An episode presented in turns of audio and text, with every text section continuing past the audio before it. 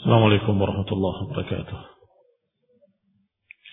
إن الحمد لله نحمده ونستعينه ونستغفره ونعوذ بالله من شرور أنفسنا ومن سيئات أعمالنا من يهده الله فلا مضل له ومن يضلل فلا هادي له وأشهد أن لا إله إلا الله وحده لا شريك له وأشهد أن محمدا عبده ورسوله صلى الله عليه وعلى آله وأصحابه والتابعين وتابع التابعين ومن تبعهم بإحسان إلى يوم الدين. يا أيها الذين آمنوا اتقوا الله حق تقاته ولا تموتن إلا وأنتم مسلمون. يا أيها الناس اتقوا ربكم الذي خلقكم من نفس واحدة وخلق منها زوجها وبث منهما رجالا كثيرا ونساء. واتقوا الله الذي تساءلون به والأرحام. إن الله كان عليكم رقيبا. يا أيها الذين آمنوا اتقوا الله وقولوا قولا سديدا. يصلح لكم أعمالكم ويغفر لكم ذنوبكم ومن يطع الله ورسوله فقد فاز فوزا عظيما. أما بعد فإن خير الحديث كتاب الله وخير الهدي هدي محمد صلى الله عليه وعلى آله وسلم. وشر الأمور محدثاتها فإن كل محدثة بدعة وكل بدعة ضلالة wa kulla dalalatin finnar. Ikhwani fillah azakumullah kaum muslimin yang saya. Kita sudah masuk pada kisah perang Khandak.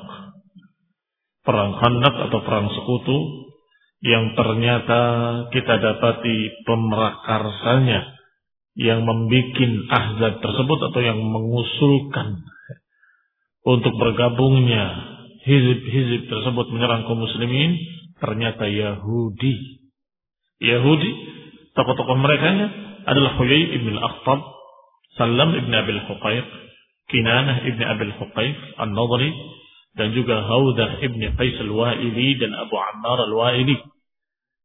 Mereka lah tokoh-tokoh Yahudi yang kemudian mendatangi orang-orang Quraisy musyrikin untuk sama-sama menyerang Rasulullah SAW dan kaum muslimin. Bahkan mereka untuk menggolkan keinginannya sampai menjual agama mereka. Menjual agama mereka dengan apa? Menjual agama mereka dengan menyatakan sebaliknya dari apa yang mereka yakini di agama mereka.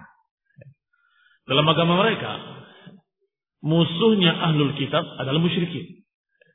Sehingga selalu mereka menantang-nantang kaum musyrikin yang disebutkan dalam Al-Quran dengan yastaftihu. Yastaftih, istiftah, maknanya mengharapkan kemenangan dengan datangnya seorang rasul untuk mengalahkan musyrikin. Selalu begitu. Yastaftihun ala alladziina kafaru. Selalu menantang-nantang orang kafir musyrikin. Nanti kalau datang Nabi akan menyerang mereka. Tetapi ternyata ketika mereka dendam, jengkel, hawa nafsu mereka sudah tidak bisa dikuasai lagi, bencinya kepada Allah SAW dan kaum muslimin, maka mereka mendatangi musyrikin, merangkul mereka.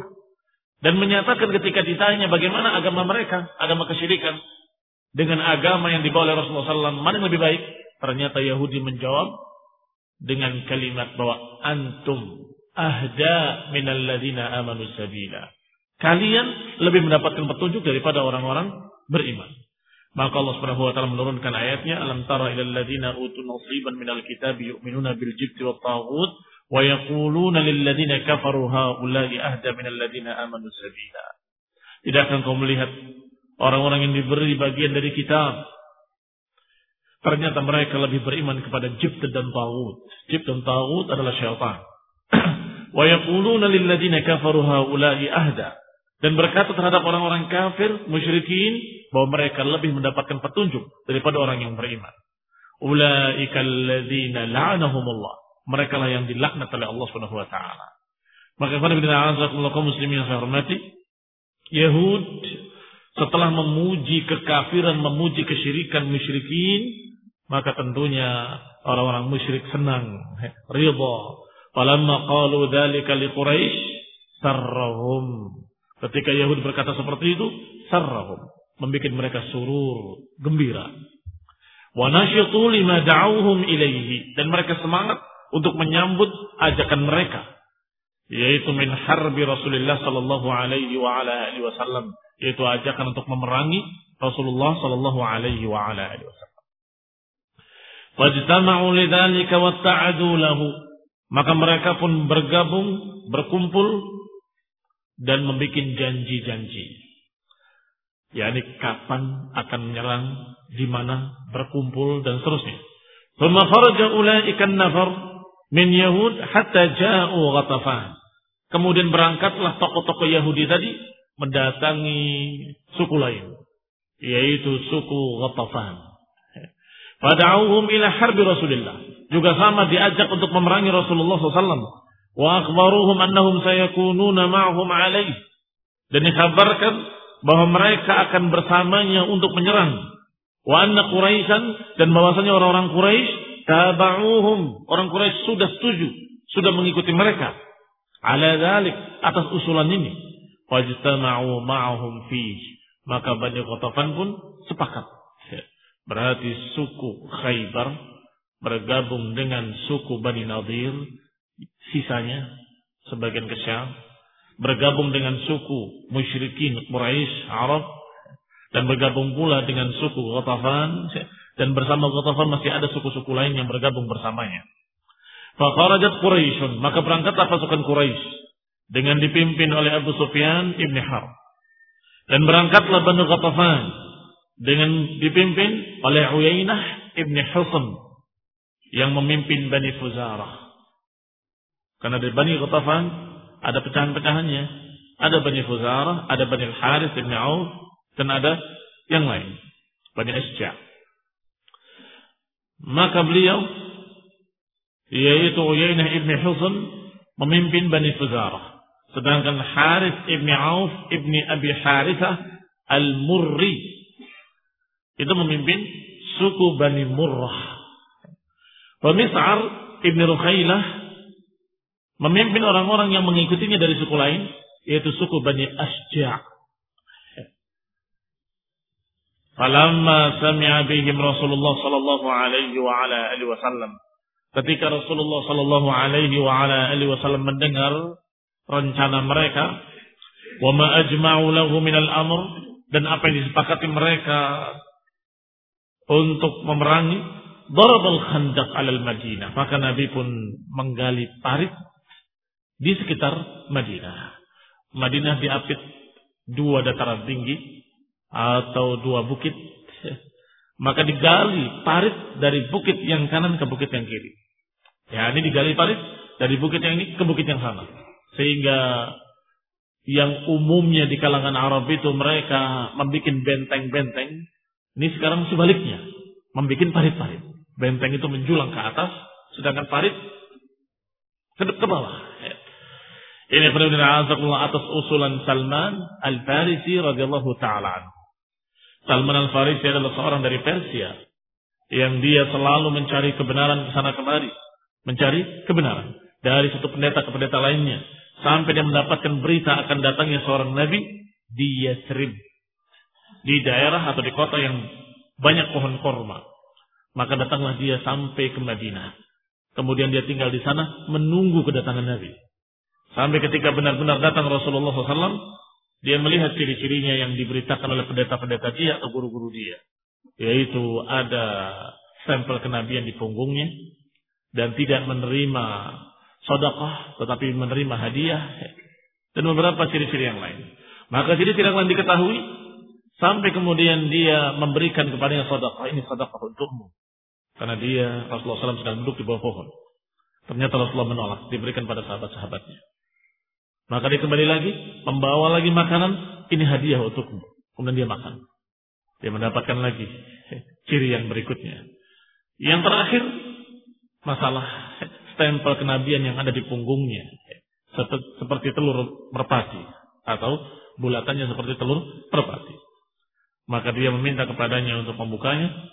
Bahkan sebelum berbicara, Rasulullah sudah tahu. Apa yang kamu inginkan? Kamu ingin melihat ini? Diberitahu oleh Allah Subhanahu wa taala bahwa orang ini adalah ingin memastikan.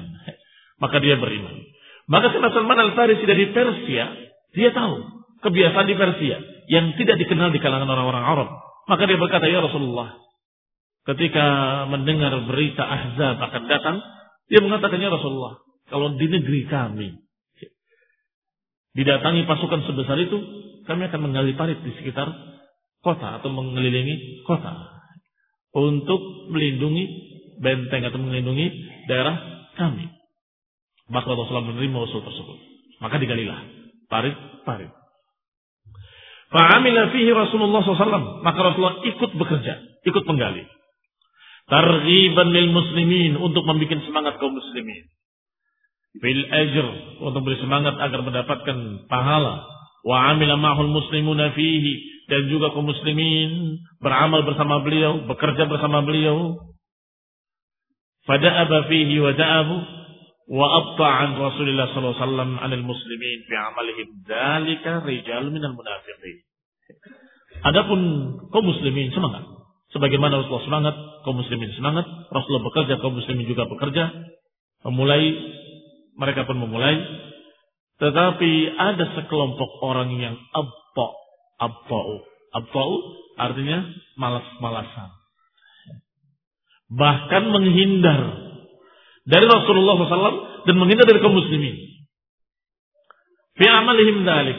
Dalam pekerjaan itu. Yaitu rijal minal munafiqin. Yaitu orang-orang dari kalangan munafiqin. Waja'alu yuwarruna bidda'ifi minal amal. Dan mereka mengucapkan kalimat-kalimat tauriyah. Ini ucapan-ucapan yang mengesankan. Kalau mereka lemah, tidak mampu. Mereka ada udur. Tidak bisa bekerja dan seterusnya. Ini munafikin. Bahkan sebagian mereka tidak pakai pamit, tidak pakai izin. Yatasallaluna ila ahlihim bighairi ilmin. Mereka bersungut-sungut pergi. Yatasallalun, pergi dengan tidak pamit.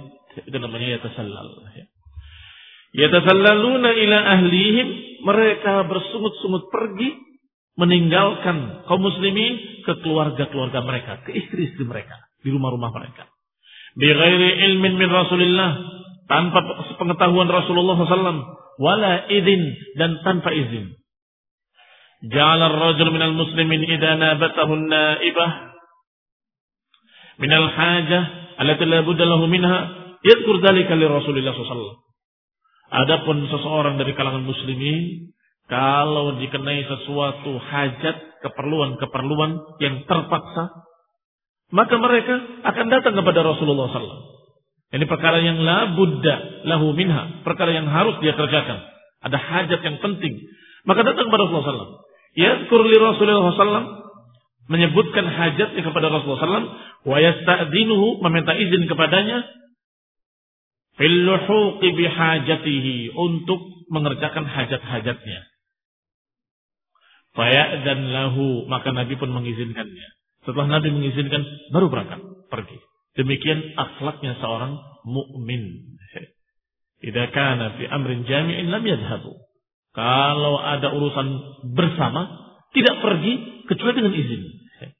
Fa'idha qadha hajatahu dan kalau sudah menunaikan hajatnya, raja'a ila ma kana fihi min amal. Kalau sudah selesai hajatnya, kembali ke tempat di mana dia bekerja. Kembali menggali, kembali membantu kaum muslimin, membantu Rasulullah SAW untuk menggali paret. Ragbatan fil khairi wa lahu karena berharap untuk mendapatkan kebaikan-kebaikan dan karena berharap untuk mendapatkan hisab. Ragbatan fil khair wahtisaban lahu, mengharapkan kebaikan dan mengharapkan pahala. Demikian orang-orang yang beriman, berbeda dengan keadaan para munafikin. Maka Allah Subhanahu wa taala menurunkan ayatnya ketika itu tentang mereka-mereka orang yang beriman. Allah katakan innamal mu'minuna alladziina amanu billahi wa idza kanu ma'ahu ala amrin jami'in lam yadhhabu hatta yasta'dinuh. Kata Allah, hanya saja yang namanya orang-orang yang beriman adalah orang-orang yang beriman kepada Allah dan Rasulnya. Dan kalau mereka bersamanya dalam perkara jamek, perkara yaitu perkara yang bersama-sama. Lam yadhabu hatta yasta'zinu. Tidak mereka pergi kecuali setelah mereka meminta izin. Innal ladzina yasta'dinunaka ulaika alladziina yu'minuna billahi wa rasulih. Maka siapa-siapa yang beriman, Niscaya mereka akan meminta izin kepadamu. Maka siapa yang minta izin kepadamu? Mereka lah orang-orang yang beriman kepada Allah dan Rasulnya. Faidah kali sya'nihim fa'adina liman syi'ta minhum. Kalau mereka minta izin kepadamu, wahai Rasul, untuk beberapa urusan mereka, maka izinkanlah kepada siapa-siapa yang kau kehendaki. Allah perintahkan pada nabinya, izinkan bagi siapa yang kau kehendaki. Wastaghfir lahumullah dan mintakan ampun kepada Allah untuk mereka. Innallaha ghafurur rahim. Sesungguhnya Allah Maha Pengampun lagi Maha Penyayang. Pada zalat hadil ayat fi man kana minal muslimin. Maka ayat ini turun tentang mereka-mereka yang beriman. Kalau dalam keadaan di tempat bersama-sama atau dalam acara bersama atau dalam sesuatu yang bersifat kebersamaan tidak pergi kecuali izin. Dan ini sunnah termasuk amrin jami' adalah majlis-majlis ta'lim. Enggak seluruh keluar pergi hilang tidur di kamar. Fahada laisa min akhlakil mu'minin. Bukan dari akhlaknya orang-orang yang beriman. Akhlaknya seorang mukmin dia akan minta izin. Hajat-hajatnya dan benar-benar memiliki hajat. Kalau minta izin, tetapi ternyata tidak punya hajat sungguhan. Ini sejenis. Sejenis dengan yang pertama. Pergi dengan tanpa izin. Pergi dengan izin tapi dusta. Ini setali tiga uang. Sama saja, tidak berbeda.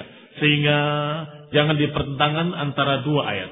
Jangan dipertentangkan antara dua ayat yang seakan-akan bertentangan. Di sini disebutkan, sesungguhnya yang minta izin kepadamu, mereka adalah orang-orang yang beriman. Tapi di ayat lain, disebutkan sesungguhnya mereka-mereka yang meminta izin kepadamu adalah orang-orang yang dalam hatinya ada penyakit. Kok bisa berbeda?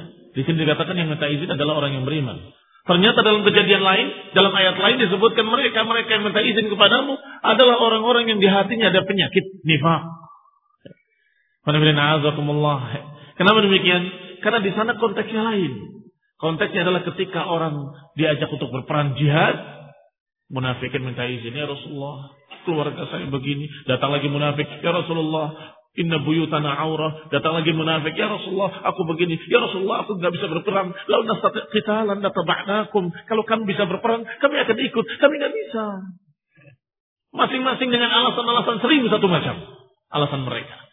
Maka Allah katakan, mereka yang meminta izin kepadamu itu adalah orang-orang yang dalam hatinya ada penyakit. Hati-hati, berbeda. Ini minta izin tapi dengan alasan-alasan dusta untuk tidak ikut berperang. Itu yang dimaksud tafsirnya. Sedangkan yang di sini adalah yang benar-benar meminta izin karena memang ada hajat. Maka ini akhlak seorang mukmin yaitu minta izin kepada Rasulullah sallallahu alaihi wa ala alihi wasallam. ثم قال تعالى يأني المنافقين الذين كانوا يتسللون من العمل. Kemudian Allah berfirman pada ayat-ayat berikutnya tentang orang yang munafik. Tadi tentang orang yang beriman. Sedangkan orang yang munafikin yang yatasallaluna minal amal yang mereka lari dari kerjaan wa yadhhabuna bighairi idin pergi tanpa izin maka Allah katakan la taj'alu du'a ar-rasuli bainakum ka du'a ba'dikum ba'dha janganlah kalian jadikan panggilan-panggilan kepada Rasul seperti panggilan sebagian kalian kepada sebagian yang lain jangan jangan memanggil ya Muhammad Jangan mengambil memanggil dengan kata-kata seperti itu. Jangan. Tapi panggillah dengan nama yang memuliakan. Ya Rasulullah. Ya Nabi Allah. Nah.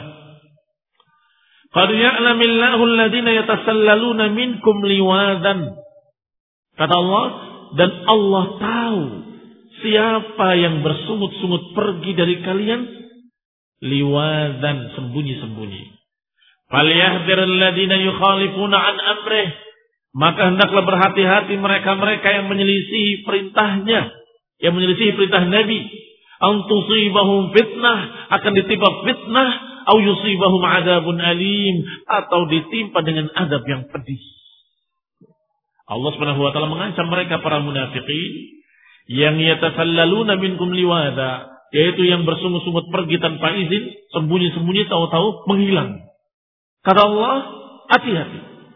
Mereka yang menyelisih perintah Nabi, perintah Rasul, maka niscaya mereka akan tertimpa fitnah ay kufur balal ditimpa kesesatan kekufuran alim atau ditimpa adab yang pedih walaupun yang melakukan adalah munafikin adalah yatasallalun dan diancam dengan ancaman ini tetapi al-ibratu bi umumil lafaz al-ibrah pelajaran yang diambil adalah pada keumuman lafaznya lafaznya tidak menyatakan hanya masalah tasallulnya mereka. Tetapi lafadznya yukhalifuna an amrih. Siapa yang menyelisih perintah Nabi, apakah dengan pergi tanpa izin atau menyelisih perintah Nabi, yakni perintah-perintah dalam sunnah-sunnahnya, atau menyelisih perintah Nabi dalam sekian masalah syariat, hati-hati. Hati-hati, akan ditimpa fitnah atau ditimpa adab yang pedih. Mereka-mereka yang menyengaja meninggalkan sunnah-sunnah Nabi. Maka terancam dengan ancaman kesesatan dan terancam dengan ancaman adab dari Allah Subhanahu wa taala. Berkata Ibnu Hisham rahimahullah tentang makna al-liwad. Apa makna al-liwad?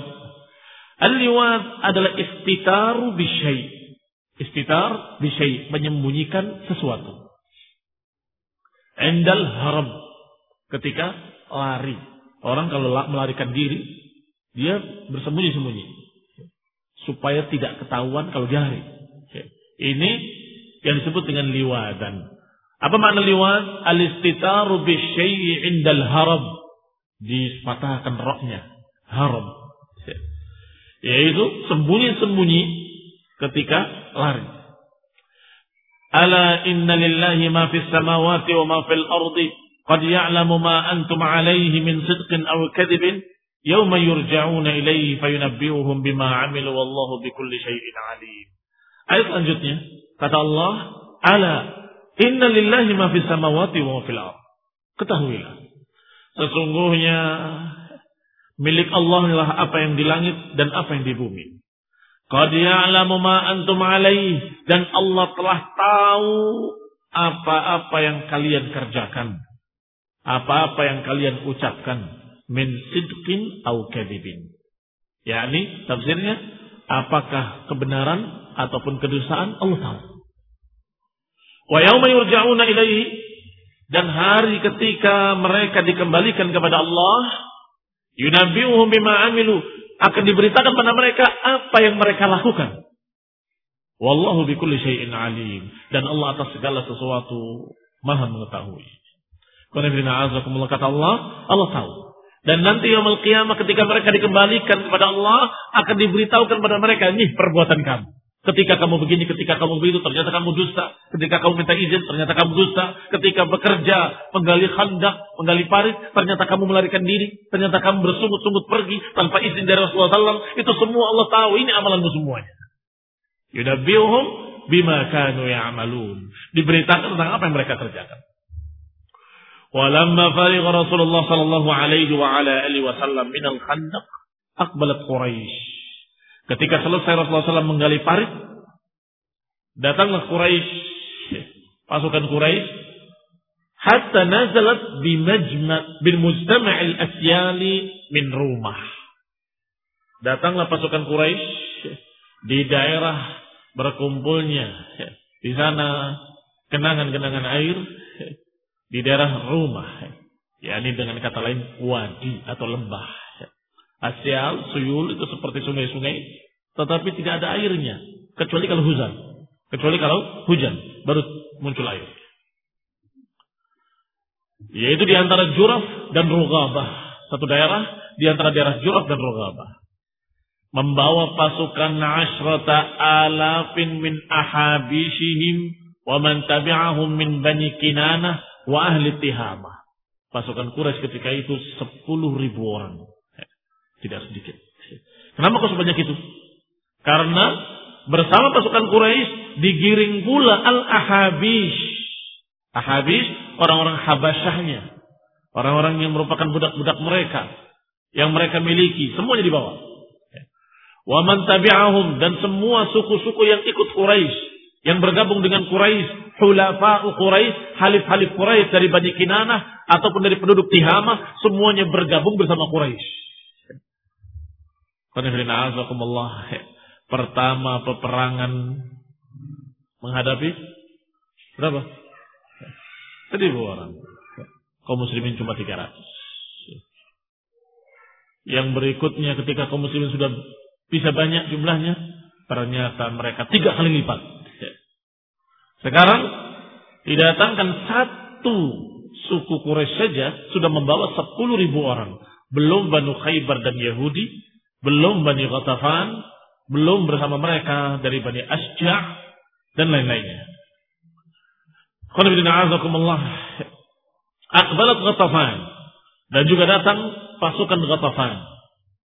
Dan yang mengikuti mereka dari suku-suku lain yang bersamanya. Dari penduduk Najd. Masih ingat penduduk Najd? Yang mematis 40 sahabat sekaligus dalam satu waktu.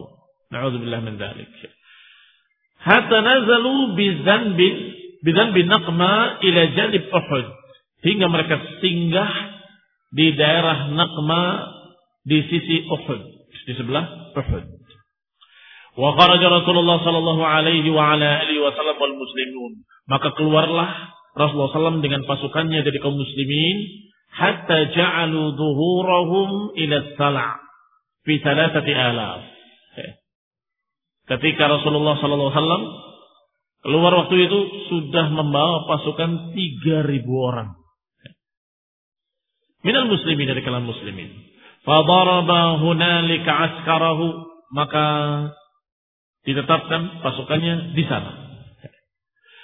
Di mana posisinya? Posisinya memanjang mengikuti khandak maka pasukan muslimin bainal khandak wa bainal qaum wa amara bidzarari wan nisa faja'alu fil atam maka di depan kaum muslimin adalah parit sedangkan di belakang kaum muslimin adalah benteng, tembok-tembok. Kaum muslimin di antara tembok dengan parit. Sedangkan anak-anak perempuan, ibu-ibu dan sebagainya, anak-anak kecil di balik tembok. Diperintahkan untuk berlindung di balik tembok semuanya. Tembok-tembok rumah mereka. Wa kharaja aduwullahi min Akhtab an-Nadri.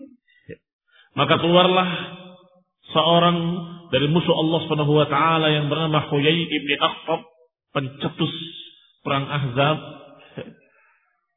An-Nadri keluar sampai menemui Ka'ab ibni Asad Al-Quradi.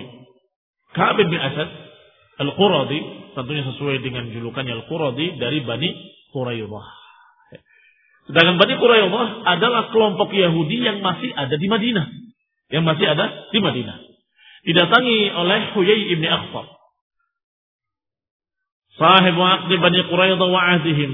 Sedangkan Ka'ab ibni Asad adalah orang yang memegang perjanjian antara Rasulullah SAW dengan Bani Quraidah.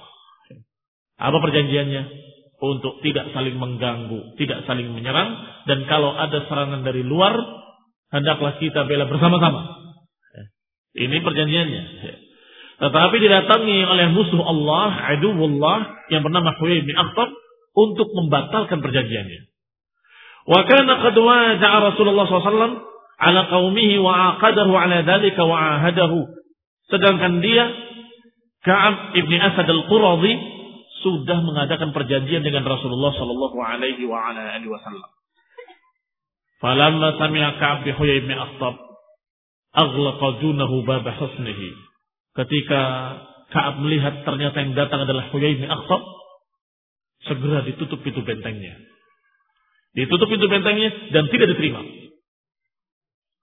Falamma sami'a Ka'ab ketika Ka'ab mendengar yang datang adalah Huyai, ini pasti akan membawa penyakit. Pasti akan membawa bencana. Maka ditutup pintu bentengnya dan kemudian Huyai minta izin untuk dibuka pintunya. Fa'aba an yaftah lahu.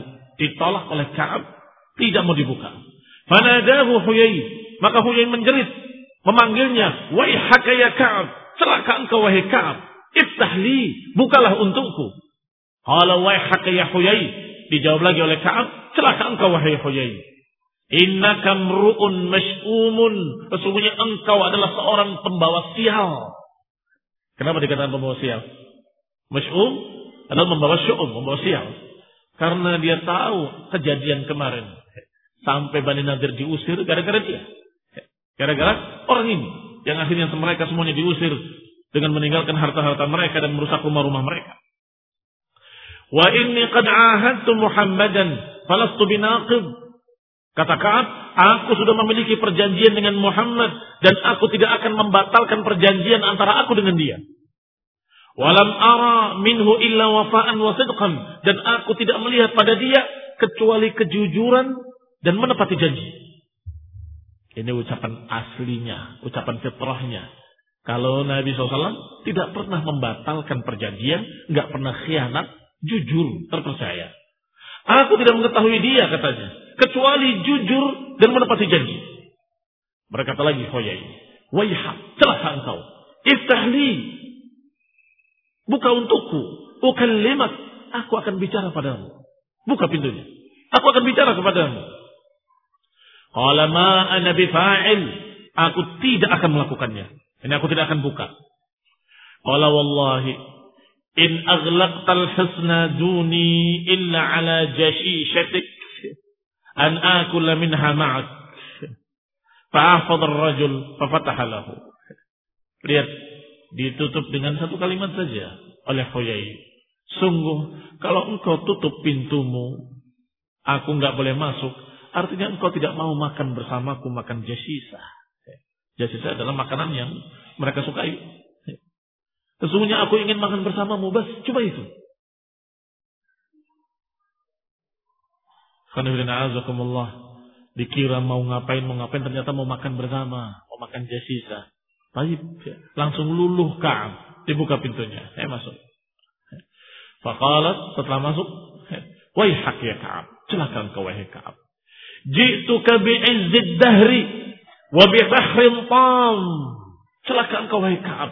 Aku datang dengan kemuliaan zaman. Aku datang dengan lautan yang banyak yang penuh airnya. Ini keberkahan maksudnya. Ji'tuka bi Quraisyin ala qadatiha wa sadatiha. Aku datang membawa pasukan Quraisy dengan pimpinan-pimpinannya, dengan tokoh-tokohnya, hatta anzaltuhum bi mujtama'in sehingga aku letakkan mereka di tempat berkumpulnya sungai-sungai, yaitu daerah rumah di wadi. Dan aku membawa Ghatafan, pasukan Ghatafan dengan pimpinan-pimpinannya, dengan tokoh-tokohnya hingga aku letakkan mereka di daerah Naqma di dekat Uhud. Qad ahaduni wa wa'aqaduni ala an la yubarihu hatta nasta'sil Muhammad wa man ma'ahu. Dan sungguh mereka sudah berjanji kepadaku, mereka sudah mengikat ikatan sumpah bersama untuk tidak menyisakan Muhammad dan kawan-kawannya sedikit pun. Ini yang dianggap sebagai sebagai bahrin pam, lautan yang penuh air, izzahr. Apa izzahr? Kemuliaan zaman, ini kemuliaan yang paling tinggi sepanjang sejarah. Begitu. apa jawaban Ka'ab? Ka'ab menjawab. Qalat Ka'ab, Ji'tani wallahi bizillil dahr. Bijihamin qad hiraqa ma'ahu fahuwa yar'ad wa yabra wa yubarriq laysa fihi. Sungguh engkau datang membawa kehinaan zaman. Engkau datang membawa kehinaan zaman. Dan engkau membawa awan yang gak ada airnya. Petir menggelegar. Kilat bersaut-sautan. Tetapi gak ada apa pun. Gak nurunkan air sama sekali. Lihat gambarannya. Tadi digambarkan dengan lautan yang penuh air. Ternyata dibalik tidak. Sebaliknya, kamu membawa awan yang gak ada airnya. Petirnya keras, suara gunturnya menggelegar, tetapi tidak ada air sama sekali setetes pun. Waihaka ya khuyai. Celaka engkau wahai Huyai. Fada'ni wa ma'ana alaih. Kata Ka'ab. Celaka engkau wahai Huyai. Biarkan aku dengan apa yang ada padaku. Biarkan aku dengan keadaanku. Aku mengikat perjanjian dengan dia. Fa inni lam ara min Muhammadin illa sidqan wa wafa. Karena aku tidak melihat pada Muhammad kecuali kejujuran dan menepati janji. lihat yang asalnya tegas menyatakan penolakan, tetapi syaitan, iblis tidak putus asa. Adulullah, musuh Allah Huyai ibn Akhtab tidak putus asa. Terus, lam yazal Huyai bi Ka'ab yaftiluhu fid darwati ilal gharib hatta samahalahu ala an a'tahu ahdan min Allah wa mithaqa. Terus membujuknya. Yaftiluhu fid darwah wal gharib. Kalimat fatala itu biasa dipakai untuk unta unta yang sedang ngamuk itu kemudian di apa itu? Diusap-usap. Dari mulai punuknya sampai ke lehernya. Punuk itu darwah garib itu sudah sampai ke leher. Terus ya diusap-usap sampai ke lehernya sampai unta itu jinak. Sampai unta itu jinak kembali. Makanya digambarkan bahwa Huyai membujuk Ka'ab seperti orang membujuk unta tadi untuk jinak. Terus diusap-usap. Ya. Terus ya, dibujuk hatta samahalahu ala an a'tahu ahdan min Allah wa mithaqa. Sampai dia mau memberikan perjanjiannya.